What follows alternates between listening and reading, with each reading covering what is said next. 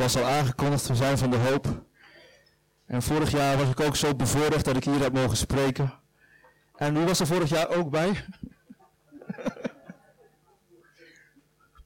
en nu zonder tanden. Sorry, ik heb je handen niet gezien. Was er vorig jaar ook bij? Oh, prijs de heer. Dus jullie, u heeft een uh, groot gedeelte van mijn levensverhaal gehoord. Ga ik dus uh, zeker niet herhalen. Misschien komen er enkele punten uit terug die van toepassing zijn op de preek of aansluitend op de getuigenis van vandaag. Nogmaals, we zijn heel dankbaar dat we hier mogen zijn. Het is, eigenlijk, dat mag je natuurlijk niet zeggen, christelijk nee, is het niet te geloven. Dat ik, dat wij hier staan, want de meeste van ons hebben een diepe, duistere achtergrond van in een zolderkamertje leven voor jaren, jaren, jarenlang de raarste dingen uithalen om aan je middelen te komen. Voor wie, wie mij nog niet kent. Voor de, wie is hier voor de eerste keer trouwens? Is hier iemand voor de eerste keer? Oh, zullen we een aan, uh, hoe noem je dat? Welkomstapplaus geven voor die mensen. Welkom, welkom.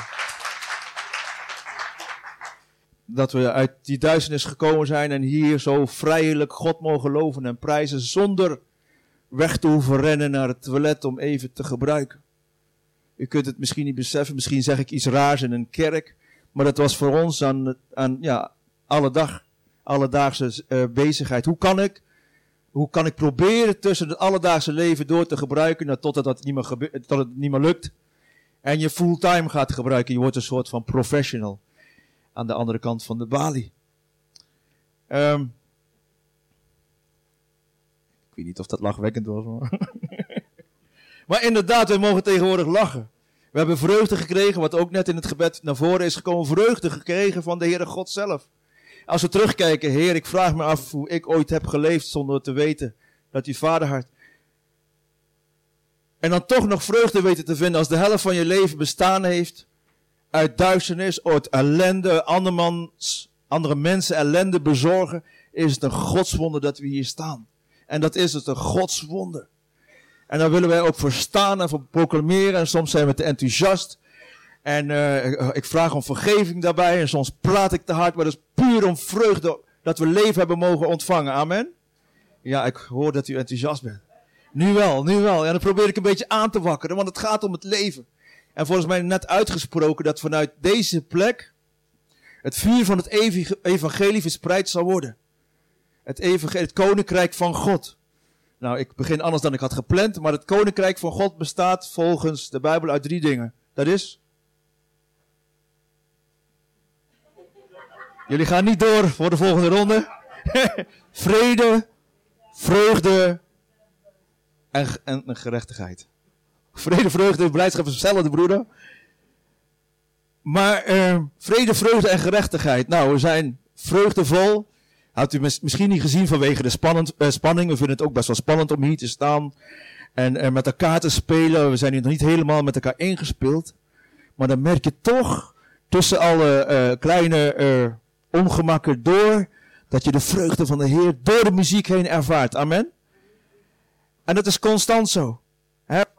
We moeten, hoe komen we op tijd met al die mensen, al die instrumenten, met een busje regelen, toestanden. En uiteindelijk staan we daar weer in zijn kracht. Dat mogen we nooit vergeten. Ik zeg ook altijd, degene die me niet kennen, mijn naam is Jos. Ik ben groepswerker bij De Hoop. En ooit aangespoeld bij De Hoop, twaalf jaar geleden, als hoopje ellende. God heeft mijn leven, leven omgekeerd. En nu mag ik hoopverlener zijn. Niet alleen hulpverlener, maar ook hoopverlener. En ik hoop dat u hoopverleners wordt op de plek waar u bent, waar u werkt, waar u sport, waar u ook maar bent, hoopverlener. En, het hebben, en ik mag nu hoop geven aan de gasten, aan de, zo noemen wij onze cliënten gasten, die binnenkomen ook als een hoopje ellende, wanhopig en misschien geen hoop meer aan de horizon. Maar één ding nodig hebben, nieuwe hoop. En er staat er boven de deur bij de hoop, de receptie, er staat, de hoop helpt mensen op weg naar, naar God hoor ik. Amen. Maar nieuw leven, in een, want we moeten het een beetje vermaskeren. naar nieuw leven. Naar nieuw leven. Oké, maar het staat niet boven onze deur. Er staat echt, de hoop helpt mensen op weg naar nieuw leven. Dus toen ik dat zag, ik, en dat, ik wil nieuw leven, dat heb ik vorige keer ook gezegd. Geen opgelapt leven, geen toneelspel meer, maar echt, echt leven. Ja, er is er eentje niet blij mee, maar we gaan gewoon door. Wat er ook gebeurt. Uh, nieuw leven hebben we mogen ontvangen en nieuw leven zullen we ook uitdelen. Nou, dat mogen we als uh, praise band van de hoop. Maar we hebben ook uh, getuigenissen. En vandaag gaat Renate haar getuigenis met ons delen. En daar zijn we heel dankbaar voor. Het is niet altijd makkelijk, dus ik wil u vragen om een aanmoedigingsapplaus te geven voor Renate.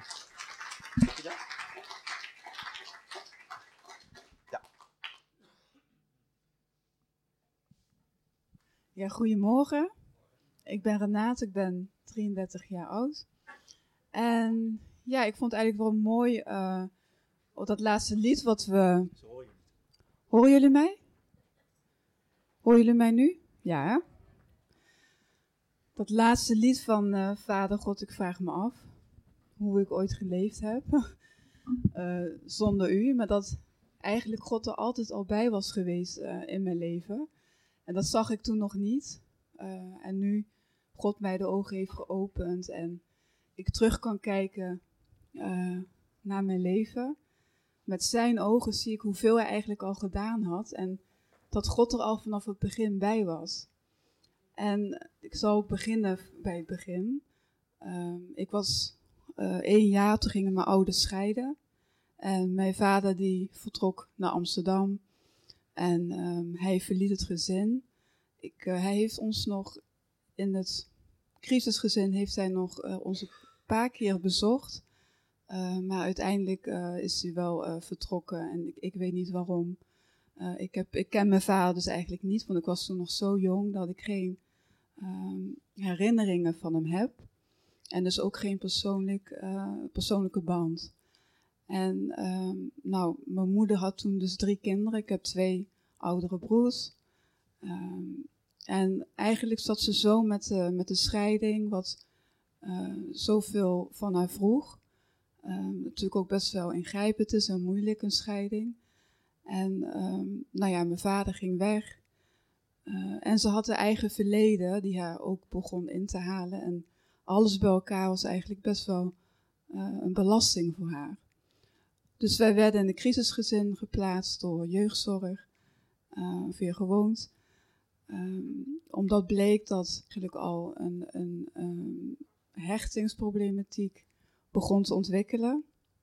En later, toen wij naar het pleeggezin gingen, um, bleek dus eigenlijk dat ik, al, omdat ik al zo uh, niet thuis opgroeide en vervolgens nog twee keer werd overgeplaatst, dat ik me niet kon hechten.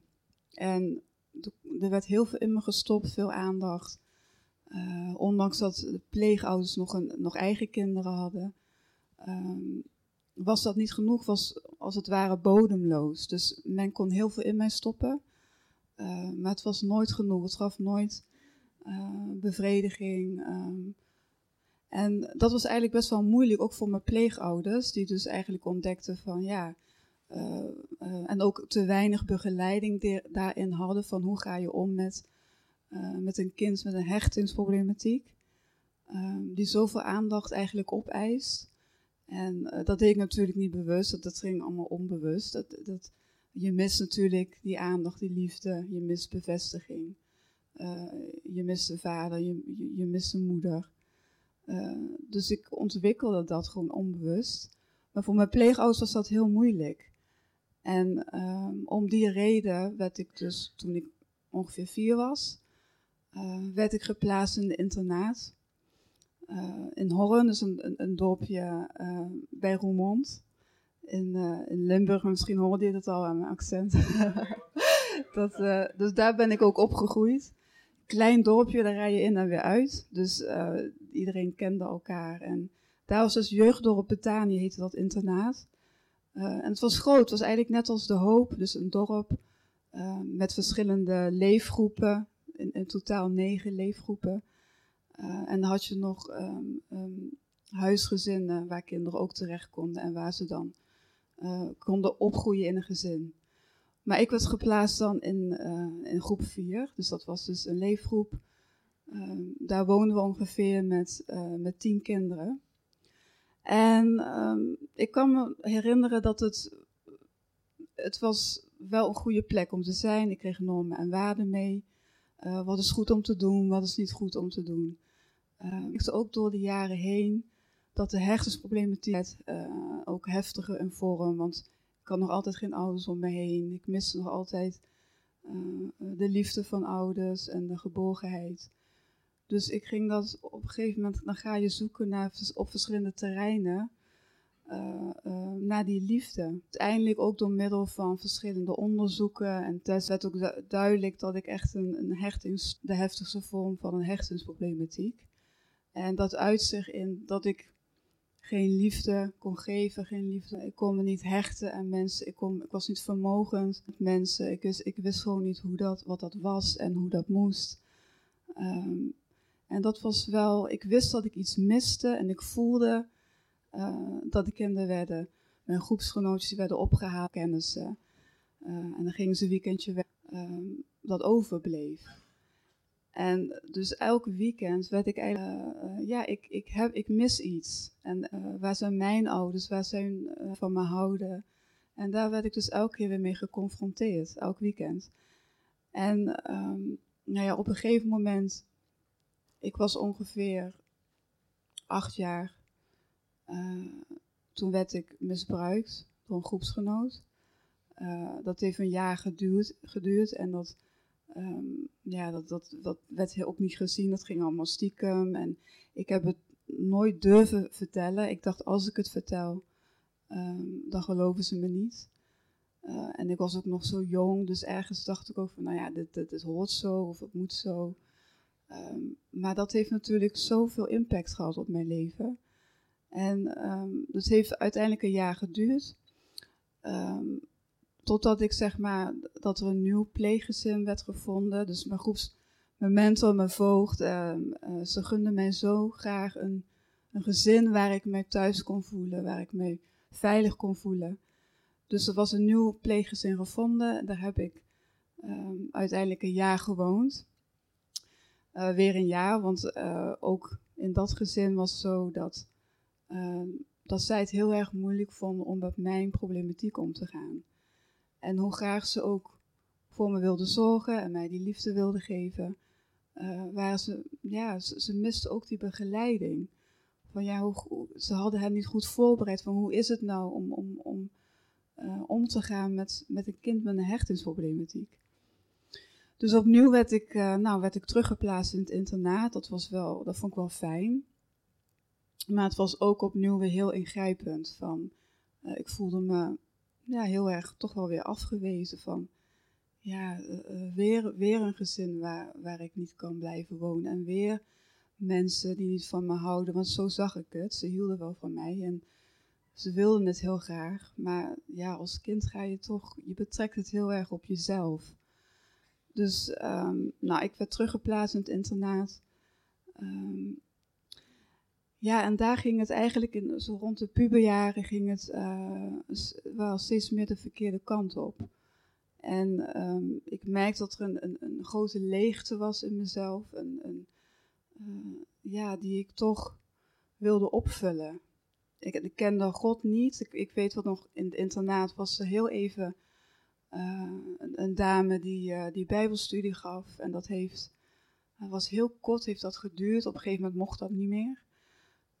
Maar toch had ik toen in die tijd had ik iets gehoord over God. En over God als liefdevolle vader. En van ja, er is iemand die blijkbaar van mij houdt. En, en ook nog onvoorwaardelijk, al was ik toen nog niet zo goed wat dat inhield. maar wel dat werd uitgelegd van ja, er is iemand die zo groot is en zo machtig is en jou heeft gemaakt. En die van je houdt, wat los staat. En die liefde staat los van wat je doet. Um, en dus dat vond ik heel mooi. Dus dat bleef altijd wel ergens in mijn hoofd hangen. Um, nou, toen ik twaalf was, uh, werd er een gastgezin gevonden. Uh, ze hadden zoiets van, nou, een pleeggezin, dat gaat niet meer werken. en we wil, ze wilden ook niet meer dat er nog meer pijn mij werd aangedaan. En weer zo'nzelfde situatie zou ontstaan als eerder was voorgevallen. Dus ik ging naar een weekendgezin en daar ging ik naartoe in de weekenden en de vakanties. En toen gingen we op een gegeven moment naar Duitsland op vakantie uh, met de caravan. En um, toen werd ik op een avond, toen zei die vrouw, Uh, in het begin was, had ik al ergens het gevoel van, nou, ik voel me niet echt thuis. Ehm, maar ik wist, wist, nog niet zo goed waar het aan lag. Ehm, maar in die vakantie toen, uh, op een avond, toen zei die vrouw van, van goh, weet je, uh, hoe kinderen, waar kinderen vandaan komen en, en hoe dat gaat. En, um, en toen uh, nou, lieten ze dat zien. Voor, ik was twaalf jaar en um, ja, dan zie je gewoon voor je ogen je mensen die je eigenlijk veiligheid zouden moeten bieden. Um, ja, die hadden gewoon seks met elkaar. En uh, vervolgens betrokken ze mij ook in, uh, in alles. En uh, ja, ik, ik kan me nog herinneren, ik wilde zo graag weg, maar ik kende de taal niet. Ik had geen geld, dus... en het was toch niet, de vakantie was nog niet voorbij, dus ik zat een beetje mijn tijd uit. Hè? Maar ik, ik, van binnen ging er echt iets kapot. En er was al iets kapot gemaakt. Maar toen ging er echt een knop om. En um, had ik echt. In mijn hart kwam echt een soort van, van bitterheid en wrok. Um, want het was er zoveelste teleurstelling. En um, nou goed, ik ging terug naar het internaat. Daar heb ik het niet gezegd van om nu opnieuw, omdat ik dacht van ja, ze gaan me niet geloven. En, maar uiteindelijk, ik denk de jaren daarna, in de puberjaren, uh, begon ik um, zeg maar het, het in, in relaties te zoeken. Ik was zo behoeftig en uh, verlangde zo naar liefde en verlangde zo naar goedkeuring. En ik merkte dat ik eigenlijk helemaal niet wist wie ik was. Um, ik, ik, verlangde zo naar om, om iemand te zijn en, uh, en, ik dacht van, ja, ik ging het zoeken in relaties. Maar omdat ik eigenlijk al zo, zo kwetsbaar was en niet, niet echt een stevig fundament had, ik, ik kon niet goed mijn grenzen aangeven, wist ook niet hoe ik dat moest doen. Um, en was een mensenpleaser, dus ik, ik, kon ook niet goed nee zeggen. En, en, ik denk dat ik daarom ook altijd de verkeerde mannen aantrok. Dus um, mannen die toch op een of andere manier uh, konden zien aan mij van hé, hey, dat, is, een makkelijk, makkelijk iemand. Um, om zeg maar, ja, hun eigen behoeften mee te bevredigen. Dus ik trok altijd verkeerde mensen aan. Waardoor ik weer um, ja, toch terecht kwam in zo'n negatieve spiraal. En het was echt als een, als een rode draad in mijn leven. Misbruik, uh, teleurstellingen, afwijzing.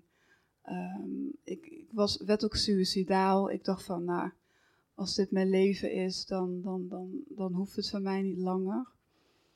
Um, en ik denk toen ik 24 was, nou ja, 23, uh, zat ik ook in een relatie, gewelddadige relatie met een man uh, die ook geen genegenheid kon geven. Uh, maar we waren allebei zo beschadigd en allebei, um, ja, wisten we eigenlijk niet goed hoe we liefde konden geven en ontvangen. En maar er was veel geweld in die relatie. En ik kan me nog herinneren, ik zag, keek naar een film. The Touch heette die, de aanraking. En het ging over een vrouw die ook uh, hulp nodig had, hulp had gezocht. Uh, ook uit een gewelddadige relatie kwam. En terecht kwam een vrouwenopvang. En um, en daar ontmoette zij Jezus, God. En um, vanaf dat moment dat zij in de kerk op haar knieën, op haar knieën viel en um, haar leven aan Jezus gaf, veranderde haar, haar leven radicaal.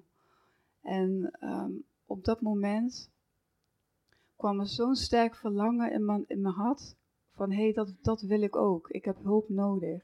En er was verder niemand, eh, ik, ik had geen familie om me heen of vrienden die zeiden van, goh Renate, um, zou je geen hulp zoeken? Of iets in, dat, dat, ik, ik was eigenlijk vrij alleen en eenzaam, uh, leidde ik mijn leven. En ik zag die film, het verlangen was zo sterk, ik dacht ik moet er iets mee. En het was echt alsof op dat moment, alsof God zei, tot mij sprak en zei, uh, ga hulp zoeken. Dus ik, kwam op het internet, ging ik wat, wat surfen en ik kwam uit bij bij de, al vrij snel bij de Hoop, de website van de Hoop. En uh, daar las ik wat getuigenissen. En over mensen met inderdaad verslaving, mensen met dezelfde problematiek als ik. Um, en dat sprak mij heel erg aan, dat raakte mij, die getuigenissen. En toen had ik me dus uh, aangemeld via de Polykliniek van de Hoop. En um, nou, ik zat toen in die tijd in de examens van de HAVO. En ik had gebeld en ik, wist, ik had niet gedacht dat ik zo snel al terecht kon. Maar eigenlijk kon, want in die tijd had je nog best wel lange wachtlijsten. Uh, dus ik besloot om eerst mijn examens te doen en daarna zou ik nog een keer bellen en dan zou ik uh, opgenomen worden. Dus ik maakte mijn examens af en in die tijd had ik wat gesprekken met mijn huisarts en met, me, met de psychologen. Uh, die ook allebei zeiden van, goh, uh, uh, het is goed dat je hier bent en het is goed dat je hulp zoekt. En ehm, nou, omdat ik gesprekken had, kon ik die tijd zeg maar wel goed overbruggen, want ik, ik voelde me zo gebroken, zo, zo kapot gemaakt door alles. En na de laatste examen had ik uh, weer gebeld en ik kon terecht bij de hoop, weer vrij snel. En uh, nou, toen kwam ik juni 2010, ik was 24 jaar, kwam ik bij de hoop, de Jordaan, maatschappelijk opvang. En nou, dat was dan, ik kan me nog herinneren dat ik daar naartoe reed met de trein alleen.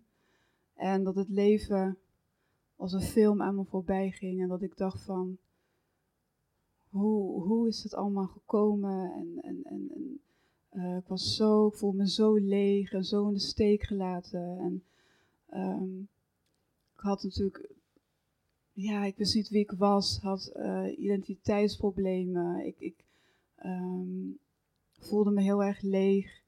En uh, nou ja, ik kwam bij de Jordaan en in het begin, ik weet nog dat ik heel erg uh, aan het schoppen was tegen de regels en opstandig. En eigenlijk om te voorkomen dat ik bij mezelf uit zou komen. En um, nou daar, op een gegeven moment weet ik nog, kan me herinneren dat een persoonlijk begeleidster tegen mij zei van... Ehm, want ze konden niet, ik had een enorme muur om me had gebouwd. En daar konden ze niet doorheen breken. Dus op een gegeven moment zei ze van, Renate, we weten niet meer hoe we je kunnen helpen. En dat was echt het moment uh, dat God weer sprak. Dus weer kwam dat echt een intens verlangen in me had uh, om, de, om de Bijbel te gaan lezen. En uh, nou, dat heb ik gedaan. En uh, ik weet nog, bij de Jordaan was een mede vrijwilligster die zei tegen mij: um, van Renate, ook al wijst de wereld je af, God zal jou nooit afwijzen.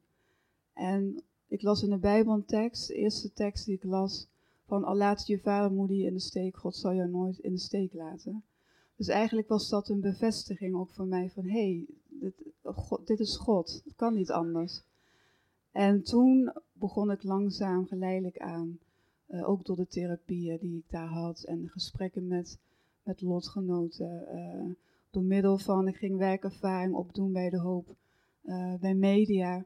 Ja, ik was enorm angstig, verlegen. Um, ik durfde mensen niet in de ogen te kijken. En nou, dan ga je naar een afdeling waar je eigenlijk angst niet zo heel goed kunt gebruiken om te functioneren. Maar er was heel veel mensen hadden heel veel geduld en, mensen, en je kreeg heel veel ruimte om te groeien, om op je eigen tempo te groeien. Uh, ik ging um, um, mensen interviewen, artikelen schrijven, columns schrijven, mocht mee met de filmploeg. weer allemaal dingen dat ik, dat ik nu denk van hoe, hoe is het mogelijk? Dit is echt God, dat kan niet anders. Ik, als ik bedenk hoe angstig ik was en dan um, nou, dit werk mag doen, dat gaf me heel veel voldoening. En ook dat ik dan met de camera pad mocht en er, was heel veel vertrouwen. En um, nou, al die dingen. Ik heb ook de ervaringsschool gedaan, school voor, voor oud-gasten van de hoop. Uh, dat je um, leert om je, je, je levenservaring deskundig in te zetten. Uh, en dat is ook wat ik eigenlijk nu mag doen bij de hoop, want ik um, ben ook groepswerker bij Huis van Hoop, uh, woon- en leefgemeenschap. En uh, dus nu mag ik uh, als ervaringsdeskundige mag ik werken bij de hoop. En ik merk door alles heen, ik heb God verschillende keren heel intens ervaren, in ieder geval heel dichtbij. Um, in het begin was het heel lastig. Ik kon natuurlijk geen liefde geven, geen liefde ontvangen. Dus ik had moeite om Gods liefde te ontvangen en te laten landen in mijn hart. Maar God ging mee in mijn eigen tempo en, en alles ging ook echt stap voor stap. En, um, en dat, dat, is zo mooi, dat hoe gebroken je ook bent of waar je ook vandaan komt of wat je ook mee hebt gemaakt. God heeft herstel gegeven in mijn hechtingsproblematiek. Ik kan nu liefde geven en liefde ontvangen. Um, en ik zoek nu ook alles bij God. Ik heb mensen niet meer nodig, zeg maar, om, om uh, voor die bevestiging in mijn identiteit. Om, uh, ik was natuurlijk een mensenpleaser, dus ik was heel erg afhankelijk van mensen. Van zeg me alsjeblieft wie ik ben. Zeg alsjeblieft dat ik erbij hoor. En dat, dat, dat ik geaccepteerd ben. En nu vind ik dat bij God. En God zegt, heeft heel, echt heel vaak gesproken en heel vaak bevestigd van Renate, je, je, je bent hier niet voor niets. Ik heb een plan met je leven. En ook de medewerkers bij de hoop zij hebben dat zo vaak gezegd. Van je kan veel meer dan je denkt. Um, en ook die liefde die medewerkers daar hebben voor gasten. Het is, dat had ik nog nooit ervaren. En ook bij de hoop voor het eerst veilig gevoeld. Um, ja, de hoop heeft me zoveel gegeven. En daar ben ik heel dankbaar voor. En ik ben echt God dankbaar dat God kan overal doorheen breken. Dus waar, waar mensen dat niet konden, kan God dat wel. En geen, geen probleem is te groot. En je moet je nagaan, hechtingsstoornis. Uh, ik was eigenlijk afgeschreven. Um, onhandelbaar, uh, zwak begaafd. Allemaal woorden die ik zo vaak heb gehoord. Van, van, de HAVO, ik, ik, ik had verlangen om mijn HAVO te doen. Nou, dat, zal je nooit bereiken. Nou, ik heb HAVO-diploma. Uh, allemaal dat soort dingen die gebeurd zijn. Mijn, uh, God is heel erg in mijn angsten gekomen. Van waar Gods liefde is, daar kan geen angst zijn. Dus, en tuurlijk, ik ben nog steeds wel eens angstig, nog steeds wel eens onzeker. Maar God is erbij en dat, ik ervaar hem ook. Dus daar ben ik ja, heel dankbaar voor. Supermooi.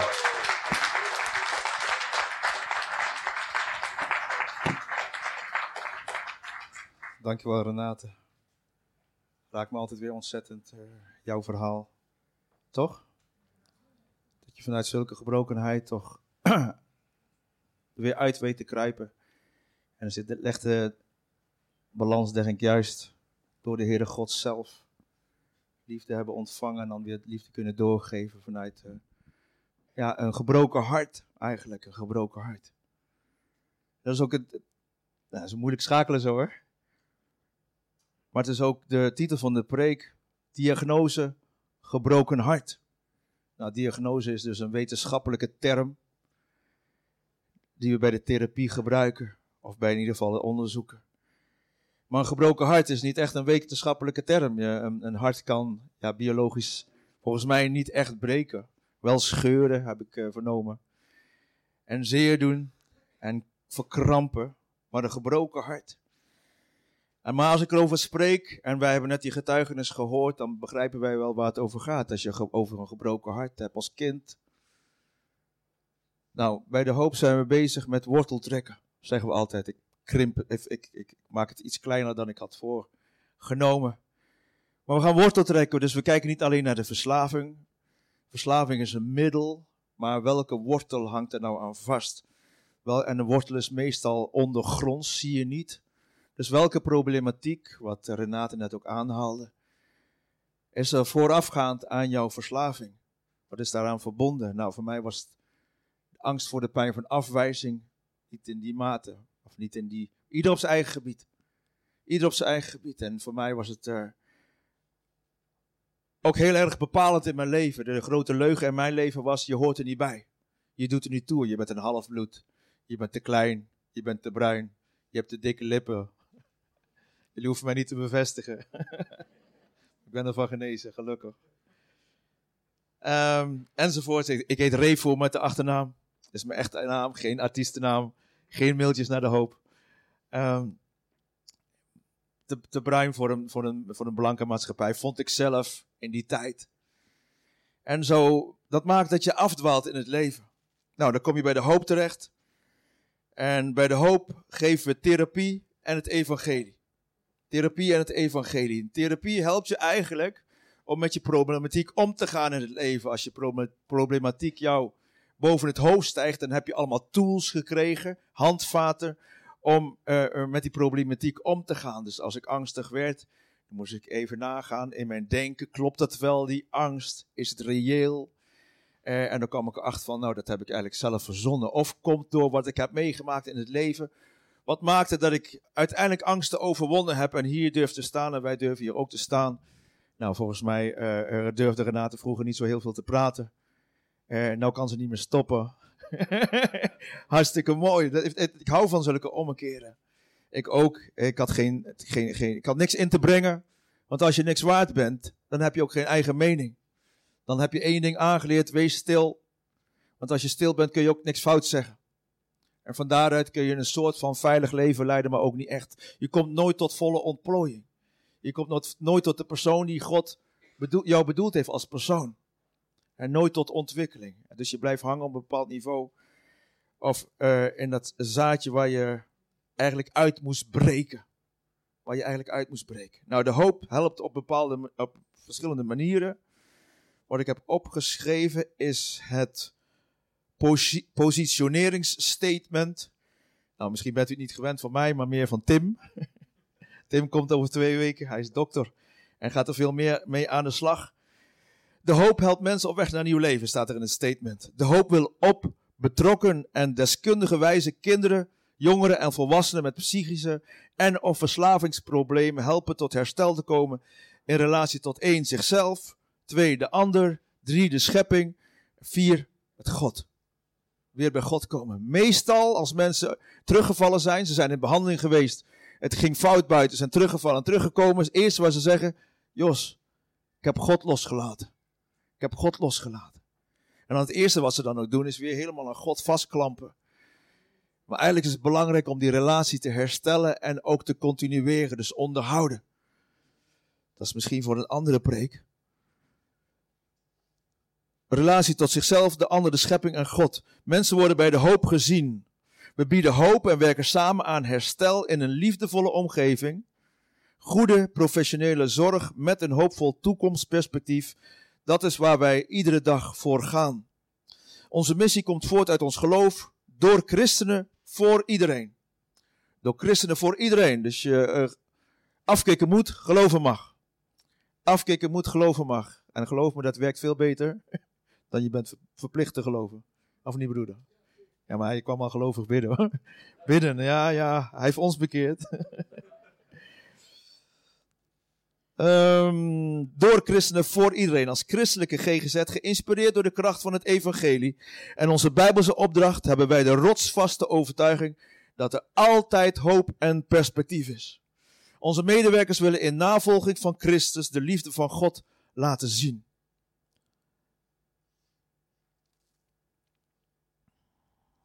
Dan weet ik niet meer waar ik gebleven ben.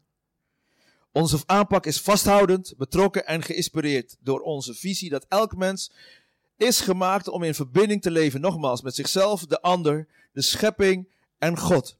We zeggen nooit zomaar nee, en zeker niet als er geen reële alternatieven zijn voor onze zorg. Al weten we dat er ook grenzen zijn aan ons kennen en kunnen. We hebben lef. Moet je eigenlijk hebben. Dat wil zeggen durf vanuit het hart. Ook als we mensen moeten aanspreken en confronteren met hun problemen. We doen er alles aan om, mensen samen, om met mensen samen verder te komen. De hoop helpt mensen op weg naar nieuw leven. De hoop helpt. De hoop helpt. Amen. En natuurlijk vanuit God, lieve zuster. Goed aangevuld. Goed aangevuld. We doen dat vanuit de Bijbel, vanuit Spreuken 24, vers 11. En daar staat: Red hen die ten dode gegrepen zijn. Wend u niet af van hen die ter slachting wankelen. Dat is het. Spreuken 24, vers 11. Red hen die ter dode gegrepen zijn. En dat is het geval bij mensen die in behandeling komen. Bij mij. Suïcidepogingen. Wend u niet af van hen die ter slachting wankelen. En dat geldt voor ons, maar dat geldt voor ieder van ons. Red hen die buiten in uw familie wellicht niet zozeer ten dode gegrepen zijn, maar wel de eeuwige dood tegemoet gaan. De eeuwige dood tegemoet gaan. Dus we zijn geroepen om het evangelie te verkondigen. Amen. We zijn geroepen om het evangelie te verkondigen. Desnoods met woorden. Desnoods met woorden. Dus ten eerste nemen wij gewoon onze jongens mee. Ken je een beetje trommelen? Kom mee. Ken je een beetje zingen? Tweede stem of zo? Kom mee. Kom mee. Dat, dat, dat, dat doet iets in mensenlevens, kan ik u vertellen. Ik hoor erbij. Ik mag meedoen. Dat had ik ook toen ik voor het eerste keer mee mag doen. En, en, en heel lang heb ik zo als broeder. Oh, dit wil ik nog even duidelijk maken. U ziet misschien. Broeder Dick natuurlijk bij ons in. Broeder Dick is niet opgenomen bij de hoop. Ik wil, ik wil het even uit de wereld helpen. Ja, dat gaat zo, dat gaat zo, hè? Ik zag, ik hem spelen bij de band. Zou die daar. Oh. Is hij toch doorgeschoten in het drinken? is niet aan de orde. Is niet aan de orde. Ik weet ook niet meer wat ik wil zeggen. Oh ja. Dus ik speelde ook een beetje achterin altijd in het begin. En toen kwam onze directrice Dini die zegt... Jos, schijn nou eens uit met, dat, met die valse bescheidenheid. En kom naar voren. Ik denk, zo zeg je dat zo tegen mij, waar iedereen bij staat. Maar het was wel, denk ik, van God. Had ik net nodig. Even die duwende rug, even die aanmoedigingen. Dan desnoods maar lomp. Maar het, uiteindelijk heeft het geleid dat ik hier sta en ik sta hier te spreken. Maar ik wil even opscheppen over onze God. Twee weken geleden stond ik nog in Cuba te spreken in Cuba. Cuba ken ik alleen van de geschiedenisboeken. En opeens sta ik daar te spreken. Ik had me voorbereid op een kwartier. En, en nog een lied erachteraan te zingen. En we kwamen daar. Oh, oh, my son, you have five minutes. Wat moet ik nou in vijf minuten vertellen? Vorige keer heb ik volgens mij anderhalf uur hier verteld over mijn leven. Wat moet ik... Een stukje ongeloof hè, van mijn kant. Dus dan word je al gespannen en zenuwachtig, inderdaad. En daar wil God je hebben. Daar wil de Heilige Geest u hebben dat u denkt van wat moet ik, dat kan ik helemaal niet. En vanuit die positie kan hij het krachtigste werken. Want inderdaad, heel snel kwam de, de, de, de gemeente in beweging. Ik had ook maar vijf minuten snel in beweging komen. En uiteindelijk achteraf word je dan benaderd. En het was, er was één meisje daar aan de andere kant van de wereld. Ze kwam uit, uh, uit, uh, uit Friesland. En, en, en, ze wilde me bedanken voor het verhaal. Dat, dat ken ik niet uit onze kerken. En ze was zo aan het huilen, ze kon niet meer stoppen met huilen. En eigenlijk zei ze, dit is, dit is echt kerk. Dus het gaat niet om allerlei uh, dogma's of, of rituelen. nee, maar dit gaat over uh, God die gebroken harten geneest. Amen. God die gebroken harten geneest en van daaruit mensen naar de andere kant van de wereld stuurt. Om die andere persoon die 200 kilometer bij ons verderop woont. Te bemoedigen met het woord van God. Wat zij nodig had daar aan de andere kant van de wereld. God is een God van wonderen. En die u onmogelijke dingen laat doen. Voor ons onmogelijk. Maar wat bij mensen onmogelijk is, amen, amen, is bij God mogelijk. En daarom staan we ook hier.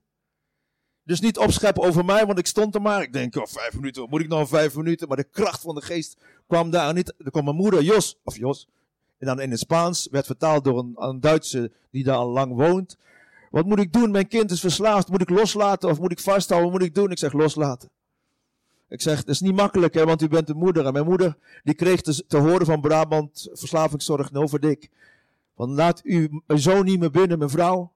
Want u houdt de verslaving in stand daarmee. Oeh, maar dat kan ik niet, want ik ben een moeder. Ik ben een moeder, ik kan hem niet. Ik heb liever dat hij in huis gebruikt, dan weet ik waar hij gebruikt.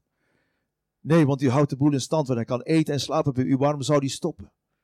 Uiteindelijk stond ik op straat en dat was de eerste aanzet tot een opname bij de Hoop 2006 ben ik toch met mijn eigen uh, uh, getuigenis bezig. Nou, als ik dan toch bezig ben, kom ik 2006 binnen. En daar is Joke. Joke is team, was teamleider. Ik weet niet of ze het leuk vindt. Maakt me niet uit.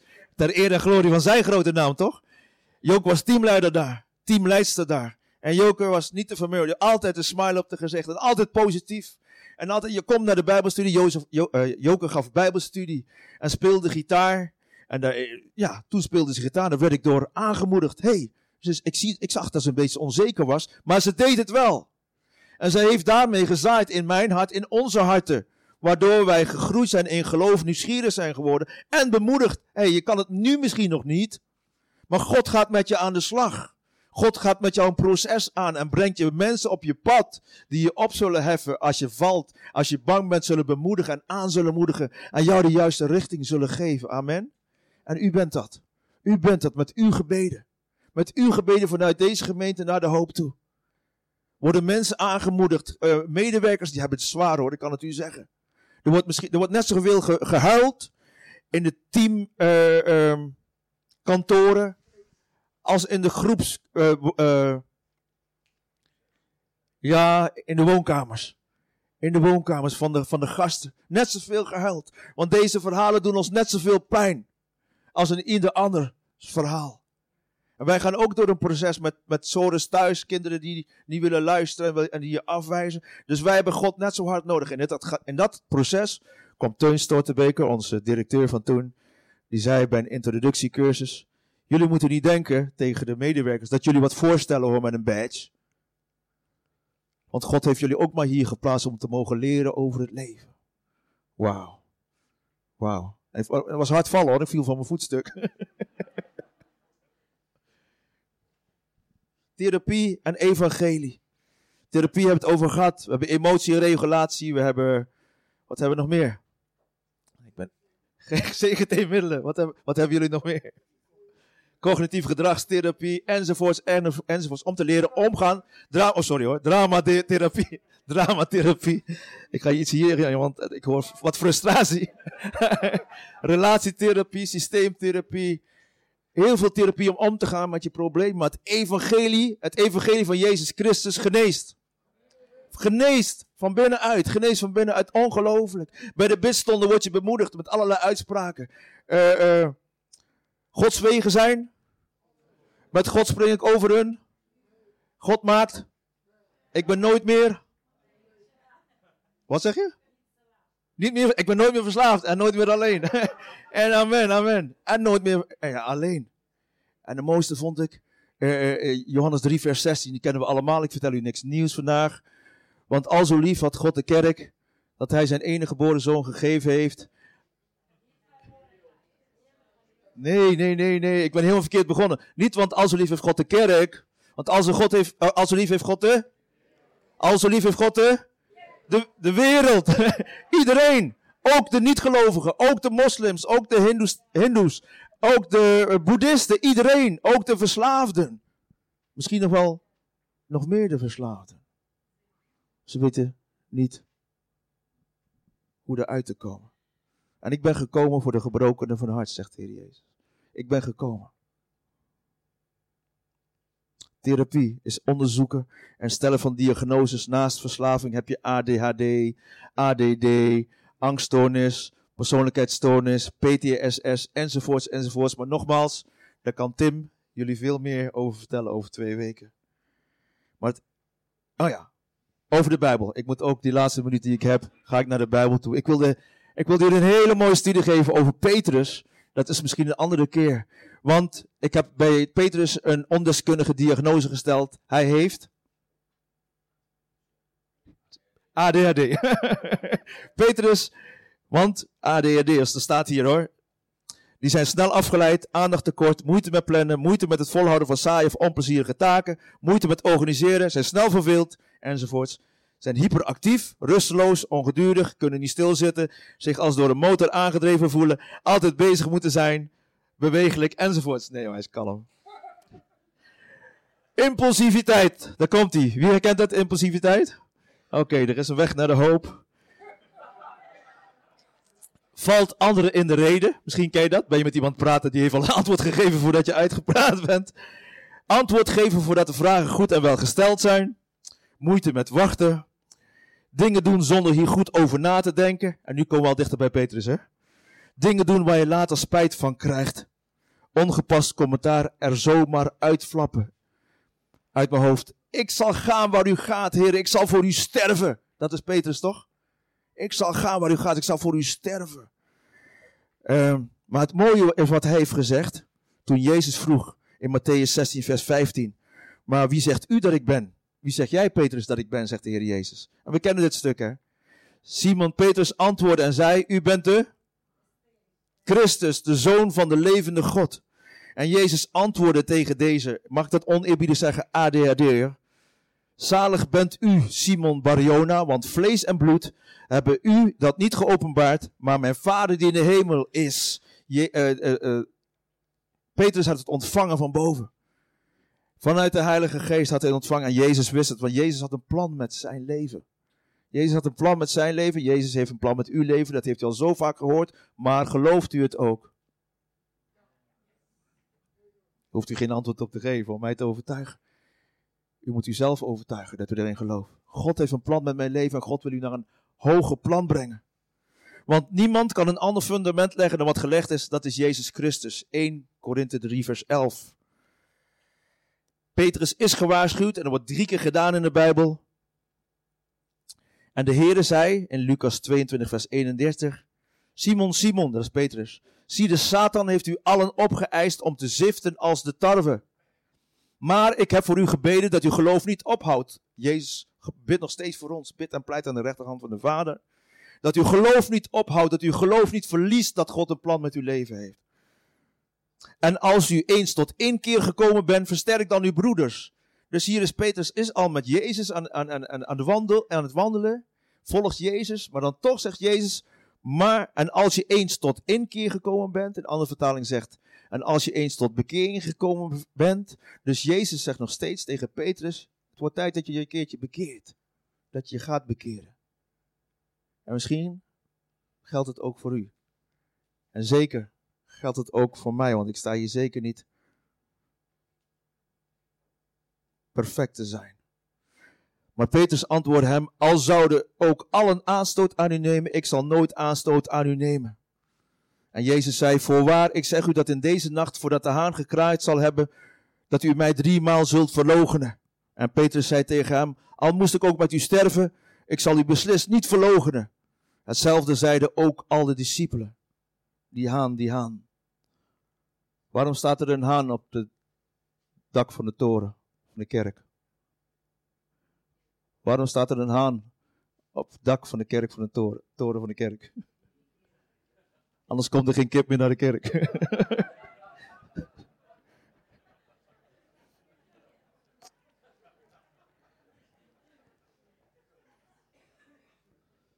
Staat niet in de Bijbel. Hè? Dus kan ik niet onderbouwen. Het wordt wat drie keer herhaald dat, dat hij Jezus verlogen. Drie keer staat er. En we kennen het allemaal. Nou. Ik wil vragen wat de pianist naar voren komt. Mij helpt. Alleen de pianist is goed.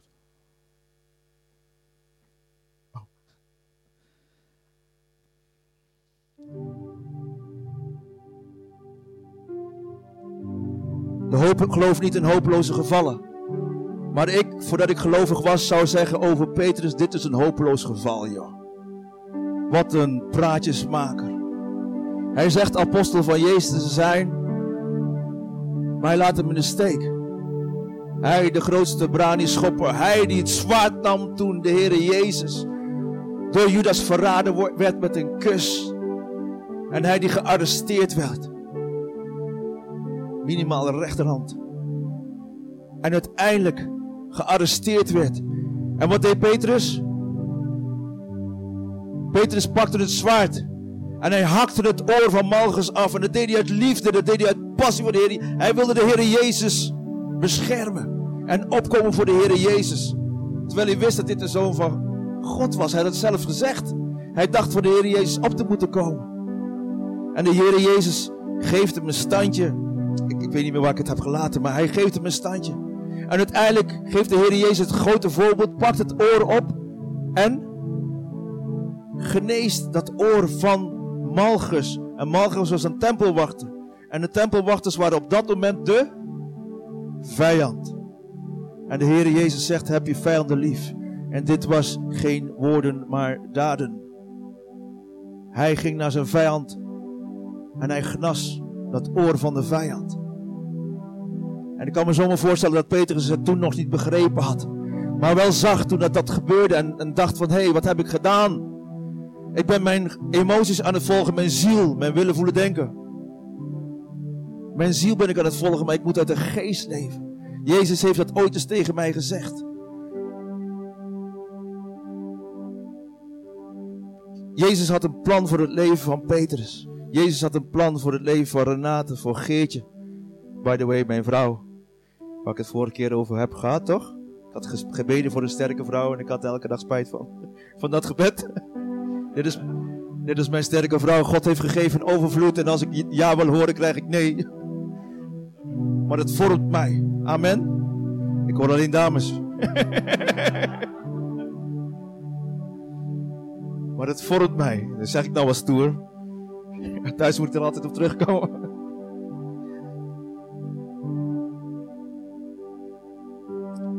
Petrus hopeloos. Een loser. Een loser, wat is dat nou een held? Maar uiteindelijk gaat hij ook terug naar zijn oude leven. Hij, gaat, hij wordt weer visser. Maar op een gegeven moment, al na de kruisiging, eh, Petrus was er niet eens bij, bij de kruisiging. Ze hadden geen geloof meer. Ze waren het geloof verloren. En Jezus had het ook al gezegd, opdat u uw geloof zal behouden. Ze zijn aan het vissen en hij ziet de Heer Jezus aan, aan de kant van het meer. En hij springt eruit op zijn lompe manier. Zoals alleen hij kan, wordt, wordt op een andere manier beschreven. Hij rent naar de Heer Jezus door het water heen. En dan zegt de Heer Jezus het volgende. Hij was drie keer verlogen door Petrus. En de Heer Jezus zegt, drie keer, hou je van mij. Hou je van mij. Hij zegt niet, Petrus, ik heb het toch gezegd. Dat je me zou verraaien, dat je me zou verloochenen, dat je niet met mij heen kon, dat je mij niet kon gaan waar ik zou gaan, dat je niet, zo dat je niet voor mij zou sterven, dat je zelfs door een meisje, een schoolmeisje bent omgepraat en hebt gezegd dat je niet bij mij hoort. Ik heb het je toch gezegd dat jij niet gekwalificeerd bent, dat je niet goed genoeg bent. Nee, niks van dat alles. De Heer Jezus zei, hou je van mij. Tot drie keer toe. Drie keer verlogen en drie keer vraagt de Heer Jezus, hou je van mij. Petrus wordt er zelfs verdrietig van. U weet toch dat ik van u hou. En dat was meer dan voldoende. Dat was meer dan genoeg.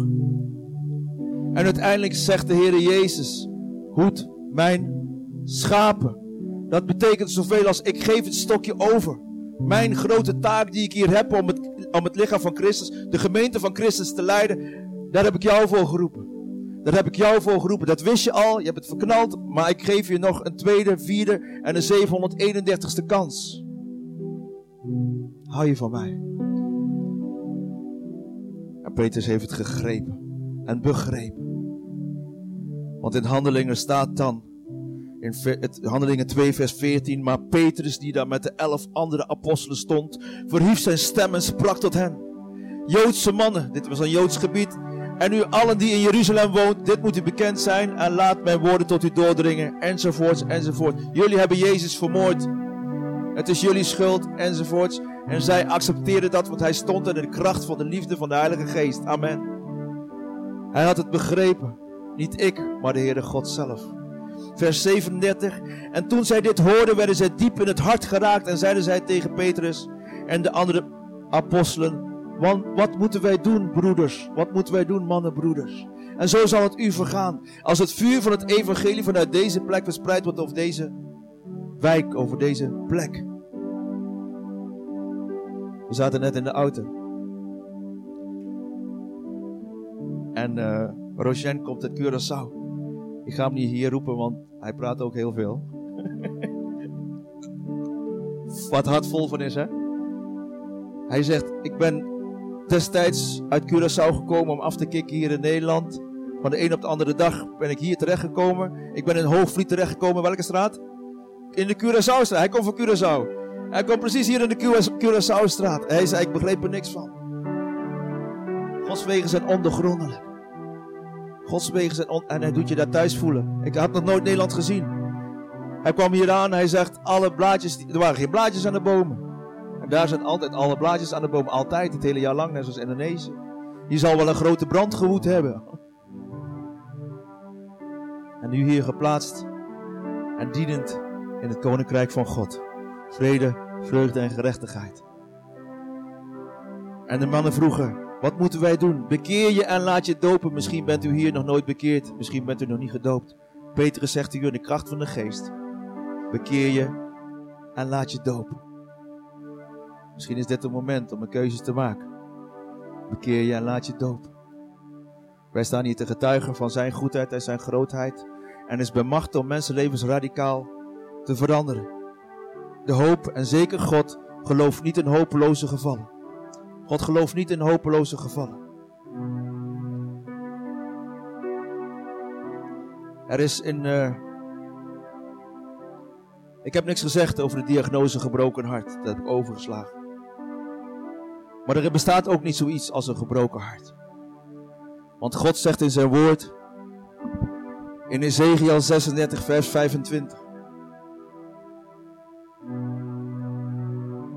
Dan zal ik u een nieuw hart geven en een nieuwe geest in uw binnenste. Ik zal het hart van steen uit uw lichaam wegnemen en u een hart van vlees geven. Ik zeg het niet enthousiast genoeg. Dan zal ik u een nieuw hart geven. Hoort u mij? Een nieuw hart en een nieuwe geest in uw binnenste geven. Ik zal het hart van steen uit u halen. En u een hart van vlees geven. U zal leven. Leven met een hoofdletter L. Renate zal leven met een hoofdletter L. Ze hebben een nieuw hart gekregen. En dan bid ik voor u dat u een nieuw hart zal krijgen of deze boodschap zal doorgeven. Krijgt op mijn hart om een lied te zingen. Twee, twee, één couplet. En dan gaan we naar een einde toe.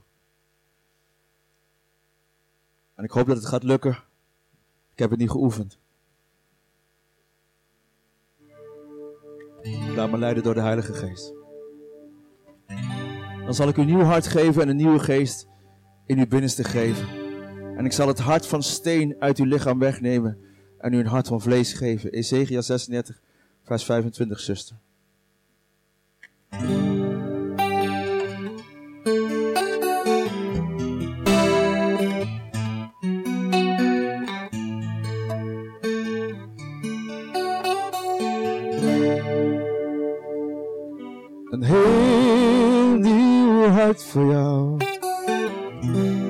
Als je daarvoor kiezen zou.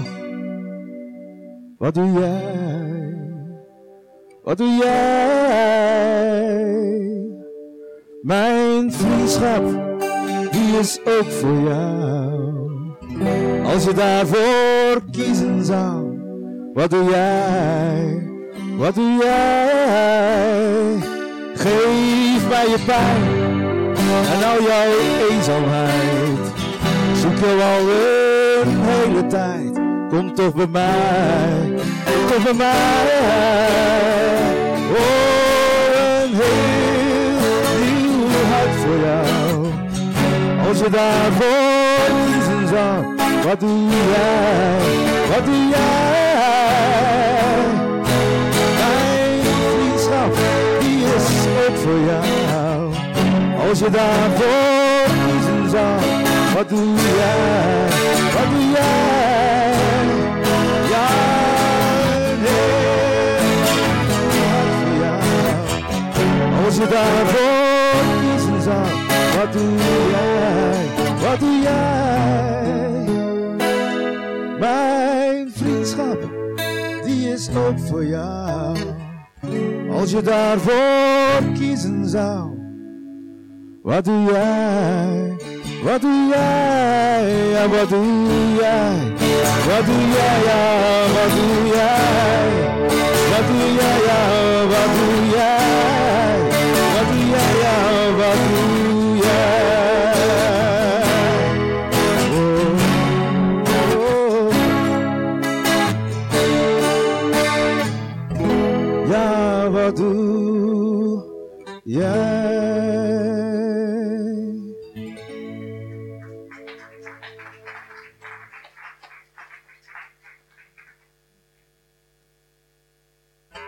ogen sluiten, wil ik afsluiten met gebed.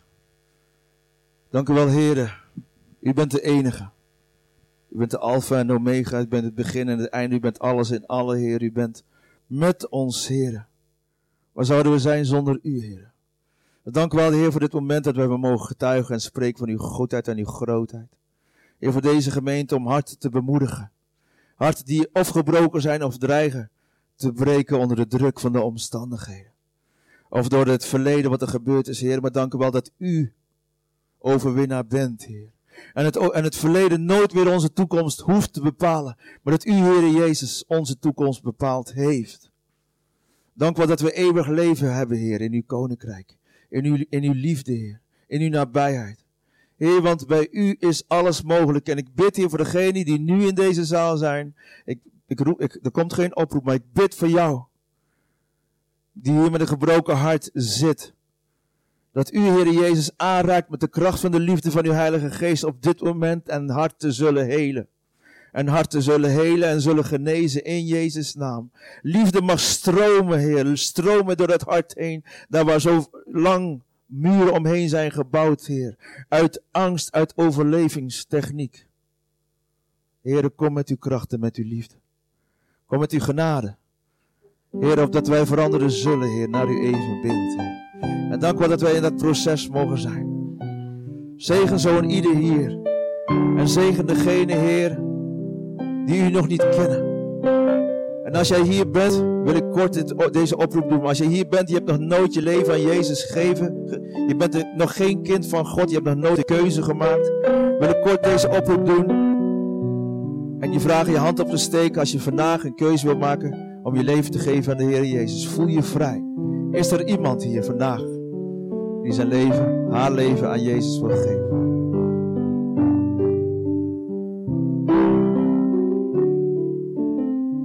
Dank u wel, Heer, dat we altijd die oproep mogen doen en we altijd die oproep willen doen, Heer. Zegen zo'n ieder, elk kind van God hier in het huis. Of dat we grote daden mogen doen, Heer, in uw kracht, in uw liefde. Een verschil mogen maken in de omgeving. In uw vrede, in uw vreugde, in uw gerechtigheid. In Jezus' machtige naam. Amen, amen.